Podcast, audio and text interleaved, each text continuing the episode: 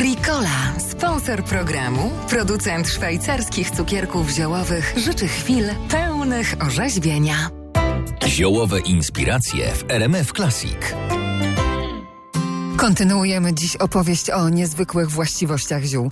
Z wieloma z nich łączą się legendy sięgające bardzo zamierzchłych czasów.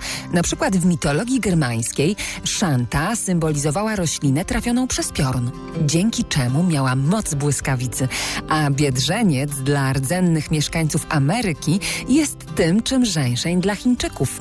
Z kolei na naszych ziemiach uważany był za roślinę chroniącą przed dżumą.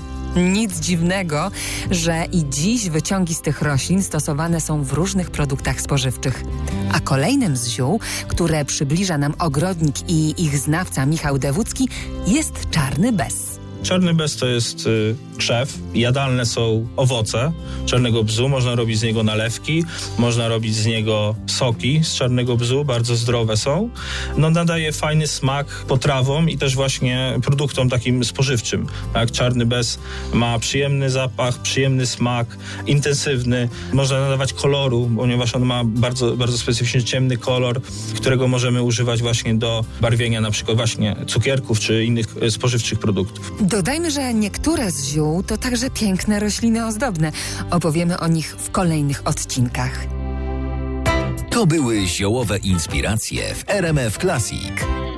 Ricola, sponsor programu, producent szwajcarskich cukierków ziołowych, życzy chwil pełnych orzeźwienia.